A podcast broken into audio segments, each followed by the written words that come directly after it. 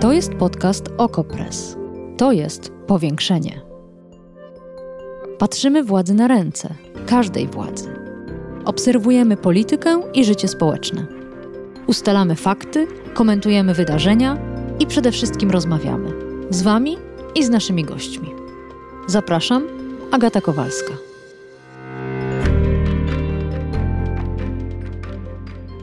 Nie interesujesz się piłką nożną? Nic nie szkodzi. Ta historia jest również o tobie. To opowieść o tym, jak działa pozbawiony kontroli społecznej globalny kapitalizm. I dowód, że walka z wielkimi korporacjami nie zawsze jest skazana na klęskę. To początek artykułu dziennikarza Okopres Michała Danielewskiego, oczywiście na temat Superligi. Każde z tych zacytowanych przeze mnie zdań budzi moją wątpliwość.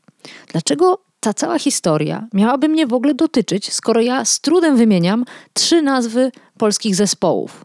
A, klubów. Mówi się kluby, nie zespoły. Dlaczego historia Superligi miałaby pokazywać cokolwiek innego niż to, co znamy już z dziejów FIFA albo UEFA?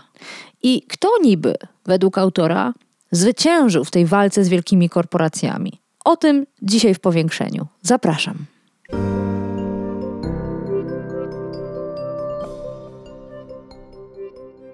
A gościem powiększenia jest Michał Danielewski, dziennikarz Okopres i autor artykułu na naszym portalu. Dzień dobry. Dzień dobry. Może najpierw dla osób takich jak ja, powiedzmy, co to jest ta Superliga i wobec jakich innych e, tworów piłkarskich miałaby być konkurencją?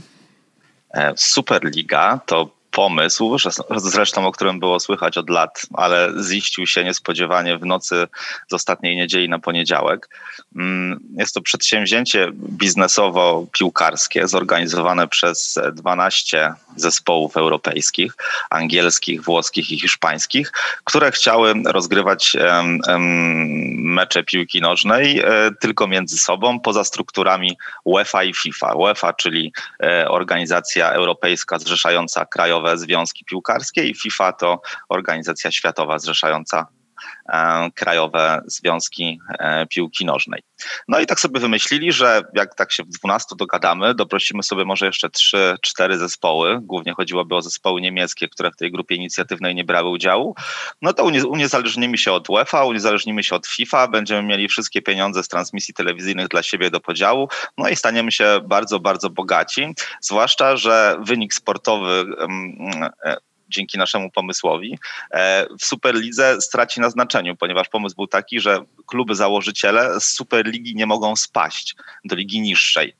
W związku z czym cały czas miałyby zagwarantowany stały dopływ gotówki za takie rozgrywki. To oczywiście były jedne z, naj, z największych klubów europejskich, czyli mówimy o Barcelonie, Realu, e, AC Milan, Juventusie, Interze Mediolan, Chelsea Londyn, Arsenalu, E, Manchester United, Manchesteru City, Liverpoolu. Największe to e, w jakim sensie? E, zamożności? I zamożności i, i chyba pewnie w sensie e, marek, to znaczy kluby, za którymi stoi e, no, czasami krótka historia sukcesów, jak w przypadku Manchesteru City zasilanego przez pieniądze szejków, no ale takie, takie marki jak Juventus, ale jak marek, Manchester United. Czy, na, czy to znaczy, że to były najlepsze kluby w Lidze Mistrzów? Najlepsze sportowo, może podkreślę, bo to słowo wciąż się nie pojawiło, co też ma znaczenie. Jedne z najlepszych e, zespołów w historii europejskich pucharów, tak. Czy wiadomo, dlaczego niemieckie kluby odmówiły? Y, nie wiadomo do końca. Są dwie hipotezy. No, pierwsza oczywiście jest taka cyniczna, że nie odpowiadał im e, projekt biznesowy przedstawiony przez e, Florentino Pereza, prezesa Realu Madryt, który generalnie był takim spiritus movens tego projektu. No a druga, trochę taka bardziej e, optymistyczna z pewnego punktu widzenia, czy z punktu widzenia kibica, to jest taka, że te kluby są troszkę inaczej zarządzane niż kluby na przykład brytyjskie czy czy włoskie.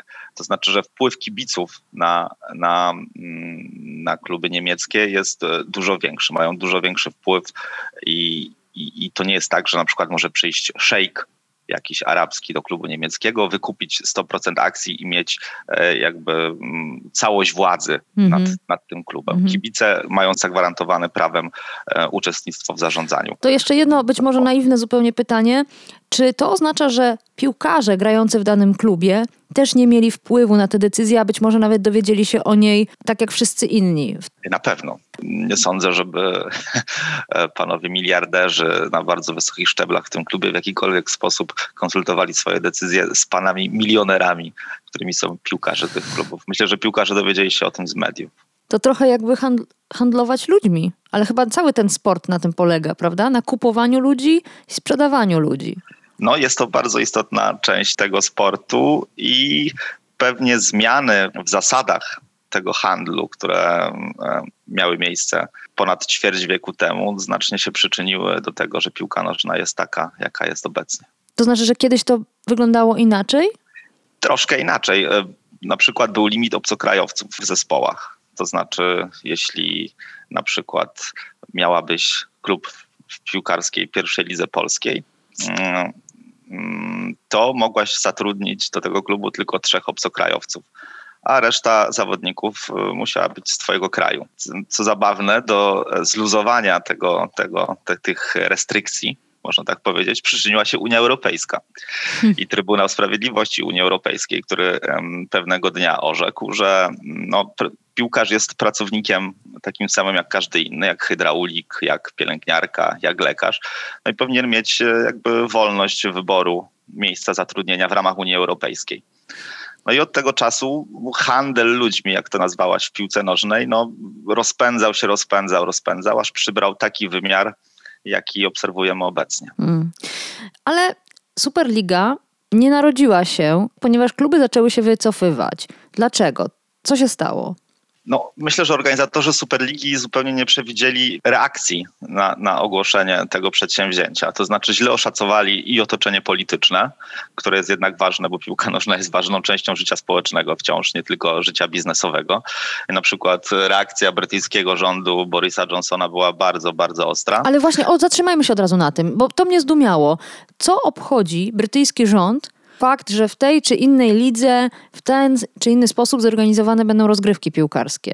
No to musiałaby być bardzo długa opowieść o Wielkiej Brytanii, ale tak w skrócie i o Anglii, ale tak w skrócie mówiąc, no piłka nożna jest ich no, częścią, bardzo ważną częścią tożsamości. No, oni lubią się nazywać ojczyzną piłki nożnej, miejscem, gdzie tą piłkę nożną wymyślono i spopularyzowano. No, w związku z czym to trochę tak, e, no jest pewnym rodzajem kościoła ta piłka nożna w Wielkiej Brytanii. No więc e, wpływ na nastroje społeczne, na to, co ludzie sądzą e, także o rządzie, jakie mają podejście do polityków. No, piłka nożna ma, zwłaszcza przy tak kontrowersyjnym projekcie, piłka nożna ma spory na to wpływ, w związku z czym rząd Borisa Johnsona dobrze to wyczuł. Mm. No i y, zaczęła się ogromna polityczna burza. Zresztą to nie tylko konserwatyści Johnsona, ale także laburzyści e, mocno naciskali na, na, na, na silną reakcję wobec tego pomysłu. No i oczywiście tej reakcji jeszcze oficjalnej nie było. To były tylko zapowiedzi, pewne spekulacje, co rząd może zrobić, czego nie może zrobić. No ale ten nacisk musiał być bardzo silny. Powtórę, nie można wykluczyć, że jednak e, UEFA, czyli ta organizacja e, europejska zrzeszająca krajowe związki piłkarskie, która organizuje między innymi Ligę Mistrzów, no również rozpoczęła lobbying w tych klubach angielskich za tym, żeby tak one zostały w starych strukturach. To znaczy, tego też nie wiemy oficjalnie, no ale można się domyślać, że być może zapro- zaproponowały im jakiś lepszy podział pieniędzy z Ligi Mistrzów, spraw telewizyjnych, etc. Czyli to oznacza, że głównym czynnikiem nie było oburzenie i sprzeciw kibiców, kibiców. No, do, tego, do tego zmierzałem, że na razie wymieniłem dwa czynniki mm -hmm. takie mm, biznesowo-polityczne, no, ale wzburzenie kibiców było ogromne i też ode, odegrało swoją rolę. Znaczy ja jestem bardzo daleki od takiego ide, idealistycznego punktu widzenia, że oto wielki bunt kibiców spowodował, że kluby przestraszone, nie wiem, bojkotem, tym, że kibice nie przestaną kupować e, produkty związane z piłką nożną, czyli wykupywać abonamenty telewizji transmitujących mecze, przestaną kupować koszulki, przychodzić na stadiony, etc., etc i że to wywołało wielki, wielki e, strach i ten bunt był decydującym przedsięwzięciem. Nie, ale ten bunt był jednym z czynników, który do tego wycofania hmm. się przyczynił. I to jest moim zdaniem dobra wiadomość. To znaczy, że to się nie, nie rozegrało jednak ponad głowami ludzi w gabinetach urzędników. Ludzie mogli poczuć, że mają wpływ na to, co się dzieje z ich klubami, w jakich rozgrywkach one grają, w jakich nie grają i na jakich zasadach. Hmm. No, to jest ciekawe. E, cytujesz w tekście e, Simona Coopera, autora Foodmonomii, który zatweetował, Bitwa o Superligę była tak fascynująca, bo widzieliśmy pierwsze masowe powstanie przeciwko neoliberalizmowi. I to mnie zdumiało, dlatego że wydawało mi się, że UEFA, FIFA i właściciele innych klubów są również reprezentantami niczego innego, a właśnie neoliberalizmu. No tak, bo wydaje mi się, że Cooper przesadził, aczkolwiek e, w pewnym sensie dobrze opisał logikę tego, co się stało. To znaczy nie opisał rzeczywistości jako takiej. To znaczy, jak już mówiłem, to nie było tak, że wielki masowy bunt przyczynił się e, najbardziej do, do, do do mm, zabicia tego projektu Superligi, ale był jego częścią i w tej logice e, takiej korporacyjno E, kapitalistycznej, no jednak e, była to pewna nowość. To znaczy trudno, jeśli przyjmiemy, że biznes piłkarski jest taki jak biznes Facebooka na przykład, mm -hmm. albo Google'a, albo Coca-Coli, chociaż to jest chyba gorszy przykład, no to trudno sobie wyobrazić, żeby bunt użytkowników Google'a albo Facebooka bardzo ich do czegoś zmusił, do jakichś fundamentalnych zmian w modelu biznesowym, który, który sobie przybrali. No to jest generalnie... Mm, trudno wyobrażalne. Tam ten system jest jakby domknięty. Jesteśmy, jesteśmy zakładnikami, używając tych wszystkich narzędzi, zakładnikami pewnego monopolu na poziomie internetowym. I ten projekt Superligi zmierzał trochę do tego samego. To znaczy, żeby uniezależnić projekt biznesowo-medialny, zasadzony na piłce nożnej, ale żeby od tej piłki nożnej go uniezależnić, to znaczy uniezależnić się od wyników sportowych, uniezależnić się od tego, czy ktoś dokładnie ten produkt lubi lub nie lubi, żeby to była taka samo napędzająca się monopolistyczna maszyna. No bo nie oszukujmy się, jeśli ten projekt by się udał, Liga Mistrzów straciłaby na znaczeniu, rozgrywki krajowe również straciłyby na mhm. znaczeniu. Jakby cała piłka nożna zamknęłaby się w tym jednym, jednym ale, elitarnym przedsięwzięciu. Ale cały czas mówisz to tak, jakbyś chciał powiedzieć, to jednak nie był taki projekt jak Facebook, to nie był taki projekt jak Google. Gdzie jest ten, ta różnica? Jaki tu czynnik odróżnia piłkę nożną od korporacyjnych pomysłów internetowych? Odróżniają go ludzie odróżnia historia i pewne zaangażowanie społeczne. To znaczy generalnie, i to też Cooper pisał, uważam, że to jest dużo, dużo, dużo bardziej trafne, że stosunek kibiców czy ludzi zainteresowanych piłką nożną do, do, do swoich klubów, do rozgrywek bardziej przypomina ich stosunek do usług publicznych typu na przykład nie wiem, ochrona zdrowia e, albo edukacja, niż do takiego bezosobowego tworu, jakim jest na przykład e, internetowy portal społecznościowy. Zawsze narzekają, a i tak korzystają.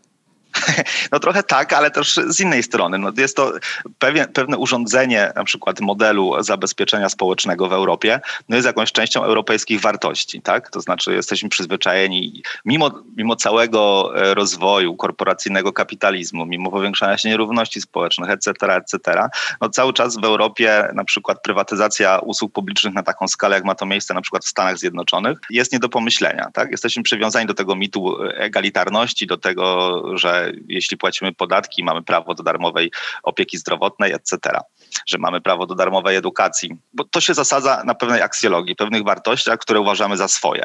No i podobnie jest w piłce nożnej. No, o, naprawdę? Sporcie, który... No to jest karkołomna teza.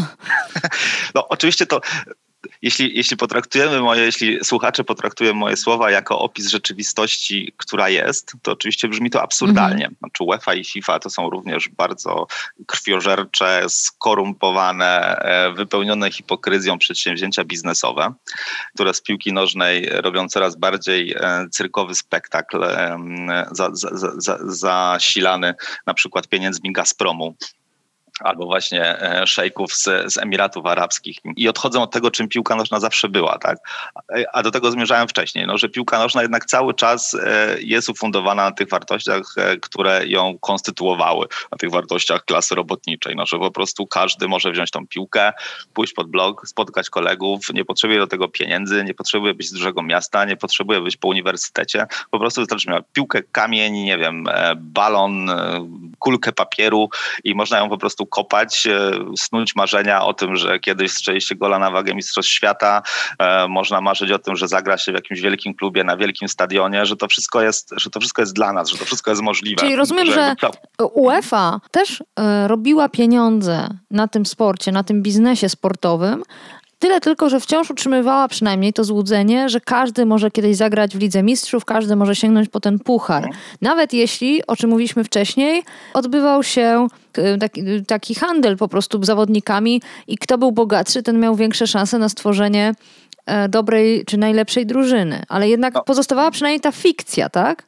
Trochę fikcja, trochę ułuda, tak, pewnie, pe, pewna furtka. System nie był, nie był domknięty, co jednak jest ważne. Mm, no jeśli mówimy o kapitalizmie europejskim, czy jeśli mówimy o modelu urządzania tutaj e, e, spraw społecznych w Europie, no to też jest jakby no, daleko na przykład, nie wiem, od, od lat 60. E, czy 70., tak? Znaczy ten kapitalizm rozwija się raczej w taką stronę właśnie korporacyjną, um, unikania podatków, unikania partycypacji w, w, w no, w systemach społecznych dla ludzi w poszczególnych krajach Unii Europejskiej, no ale jednak nie mówimy o tym, że to wszystko już nie ma sensu, że znaczy są tacy ludzie, ale w większości wciąż nie mówimy, że to nie ma sensu, że Unię Europejską należy rozwiązać, że tak naprawdę to już wszystko stracone. No nie, no w, w tym, w tym, jeśli zależy nam na sprawiedliwości społecznej, a części ludzi w Okopres również zależy na tym, żeby tej sprawiedliwości społecznej było na świecie więcej lub nie, to cały czas mamy jakby pole do działania i możemy, możemy jakby przedstawiać postulaty postulaty, inni ludzie mogą się organizować w siły polityczne i walczyć o te postulaty. To wszystko jest cały czas możliwe. Znaczy system, system nie, jest, nie jest domknięty. Jeśli mm -hmm. powstała, podobnie jest z piłką nożną. Oczywiście UEFA i FIFA to skorumpowane organizacje. To organizacje, które potrafią sprzedawać organizacje Mistrzostw Świata na przykład putinowskiej Rosji, na przykład Katarowi, nie, nie zwracać uwagi na łamanie praw człowieka, nie, nie, nie zwracać uwagi na łamanie, na zabijanie ludzi. Gazprom, jak mówiłem, jest głównym sponsorem Ligi Mistrzów czyli Gazprom, czyli imperialne narzędzie imperialnej polityki Putina. To wszystko jest prawda, ale system cały czas, cały czas nie jest domknięty. Cały czas e, mój ulubiony klub, na przykład Widzę Łódź, może jeśli awansuje do ekstraklasy oczywiście, wygrać za rok Mistrzostwo Polski. Jakimś cudem przebić się do Ligi Mistrzów, to jest sportowo cały czas możliwe. Jeśli będzie dobrze grał, jeśli będzie miał tonę szczęścia, może tą Ligę Mistrzów teoretycznie oczywiście, to jest w praktyce nierealne, wygrać. No i to jest marzenie, które napędza. O Superlidze nie moglibyśmy tego powiedzieć. Do Superligi nie można by było wejść, trzeba było zostać zaproszonym. To jest taka różnica jak e, między kapitalizmem europejskim, a kapitalizmem właśnie na, na modłę chińską, e, na modłę e, znaną z Emiratów, czy na modłę putinowską. No i to i to to są kapitalizmy i tu i tu system opiera się na własności prywatnej, no ale jednak cały czas to są różne systemy. Oba mają swoje wady, ale jednak jeden ma mniej wad, a drugi dużo, dużo więcej. Czy ta historia, która się y, na naszych oczach przetoczyła przez tydzień y, w powstania i upadku Superligi, czy to już jest koniec? Czy Nie. też, a no właśnie, czy też powinniśmy obserwować kolejne odcinki? Nie, to jest, wydaje mi się, że to nie jest koniec. No, lekcja, z którą wyciągnęły z tego osoby, biznesmeni, kluby przez nie kierowane, no to jest, że następnym razem trzeba to wszystko dużo lepiej przygotować. Mm. I raczej będzie to dla nich nauczka, żeby lepiej kombinować, lepiej ustalić zasady, lepiej je skomunikować, lepiej zmanipulować ludźmi, a nie żeby odstąpić od tego projektu, bo pieniądze w piłce nożnej no, są, cały, no, są, są już niestety główną siłą napędową. No, pytanie jest o, o skalę i tego napędu, o jego wielkość i o to, jak wielką, czy dominującą już na 100%, czy tylko na 80% będzie a, wywierał w piłce nożnej. A Twoim zdaniem ta historia wpłynie też na samą UEFA i jeśli tak, to w jaki sposób? Myślę, że negatywny. To znaczy, no to jest jednak organizacja, która na pierwszym miejscu stawia własny interes, interes swoich członków, interes e, kierownictwa tej organizacji i tak dalej. No więc e, jaką lekcję oni wyciągają? Że zagrożenie, że najlepsze kluby e, mogą mm, wycofać się na przykład z Ligi Mistrzów jest znaczne. Więc wydaje mi się, że będą próbowały te kluby jakoś dopieścić. Już teraz się mówi o zniesieniu finansowego fair play które obowiązuje w tej chwili. Na czym to polega? Finansowy fair play to jest taka, taki mechanizm, który nie pozwala wydawać klubom zbyt dużo, jeśli zbyt mało zarabiają. Z, wydawać znaczy zbyt może... dużo na zawodników. Tak, to znaczy nie może przyjść ktoś, e, dać 500 miliardów euro na przykład danemu klubowi i on wtedy wykupuje sobie wszystkich najlepszych zawodników globu, e, jeśli nie ma odpowiednich e, przychodów z innych transferów i tak dalej. Mhm. No i już się mówi, że to finansowe fair play ma zostać zniesione albo jakoś ograniczone, no co byłoby prezentem dla rządzonego przez Katarczyków Paris Saint-Germain, który też, czy takiego giganta francuskiego piłki nożnej, który też nie przystąpił do tej, do tej Superligi. No i to miałaby, miałaby być taka e, zapłata dla e, zasilanego petrodolarami klubu paryskiego, żeby mógł sobie pozwolić na więcej. Ja chciałbym jeszcze zwrócić uwagę, jeśli można, na taki, na taki rys, jak wiele. Ja dużo, dużo mówiłem o wartościach. To oczywiście nie jest tak, że Superliga nie mówi o wartościach ona też mówi, na przykład było dużo frazesów w ich takich komunikatach oficjalnych, że e, będą stawiali na futbol kobiecy, że mnóstwo z tych pieniędzy, które, mm, które wpłyną do Superligi, to oni będą transferowali do mniejszych klubów, w mniejszych piłkarsko krajach i tak dalej, i tak dalej. Takim jednym też z głównych argumentów było to, że trzeba jakoś wzbudzić zainteresowanie powtórne młodych ludzi piłką nożną że młodzi ludzie się odwracają od piłki nożnej, że już jej nie uprawiają, że nie oglądają, że raczej wolą grać, nie wiem, w FIFA, grę komputerową niż, niż oglądać mecz czy uprawiać ten sport. No co oczywiście to wszystko są bałamutne argumenty, a najbardziej bałamutny jest ten ostatni, mhm. no bo no, generalnie młodzi ludzie być może nie odwracają się od piłki, no, być może odwracają się rzeczywiście od piłki nożnej, chociaż ja nie widziałem takich badań, no, ale wydaje mi się, że być może powodem jest utrudnienie dostępu do niej. Jeśli młody człowiek nie jest z klasy średniej, nie ma w miarę zamożnych rodziców, to jego dostęp do oglądania futbolu jest znacznie ograniczony. To znaczy najprawdopodobniej, może nie do końca w Polsce, ale już na pewno e, w Anglii, e, najprawdopodobniej nie będzie go stać na bilet swojej ulubionej drużyny. No i nie będzie go też stać, żeby nawet oglądać e, swoją ulubioną drużynę w telewizji, ponieważ żeby oglądać, nawet w Polsce, żeby oglądać rozgrywki krajowej ekstraklasy, jednocześnie na przykład, żeby oglądać Ligę Mistrzów, no to pewnie nie robiłem takich obliczeń, ale około 60-70 zł na pewno trzeba wydać miesięcznie na abonament i na dostęp do odpowiednich e, programów telewizyjnych, żeby te transmisje móc oglądać. No więc wydaje mi się, że to jest podstawowy problem, tak? Taka do, bariera ekonomiczna. Dostęp do futbolu wymyślonego, uprawianego i hołbionego przez e, klasę robotniczą kiedyś, dzisiaj przez klasę ludową, został dla tej klasy znacznie ograniczony. Więc być może należałoby pójść w drugą stronę, jeśli byśmy chcieli na poważnie traktować zapewnienia o tym, że zainteresowanie piłką nożną znów musi być e, masowe, zwłaszcza wśród młodych ludzi. Reasumując, zmierzam do tego, że oczywiście w opowieściach jednej i drugiej strony tego sporu jest mnóstwo tak zwanego bullshitu, gadania o wartościach, gadania o e, pryncypiach, etc. i tak dalej i tym podobne. Ale to nie zmienia faktu, że tylko po jednej stronie sporu te wartości mają choć odrobinę zaczepienie w rzeczywistości. Hmm. No, być może to jest jakieś podsumowanie tego, co się wydarzyło. No to będziemy dalej obserwować, a Państwa zachęcam do przeczytania całego artykułu e, Michała Danielewskiego w portalu Okopres. Jest tam też wcześniejszy tekst e, Jakuba Szymczaka na temat powstawania Superligi e, z dokładną listą klubów, a również ich właścicieli, co uważam jest szalenie ciekawe. Serdecznie dziękuję za to spotkanie. Dziękuję również. I kończymy powiększenie. Powiększenie. Podcast Okopres. Prowadzenie Agata Kowalska. Podcast znajdziesz na stronie Okopres i w Twojej ulubionej aplikacji do podcastów. Redakcja Okopres działa od 2016 roku. Jesteśmy obywatelskim narzędziem kontroli władzy, obecnej i każdej następnej.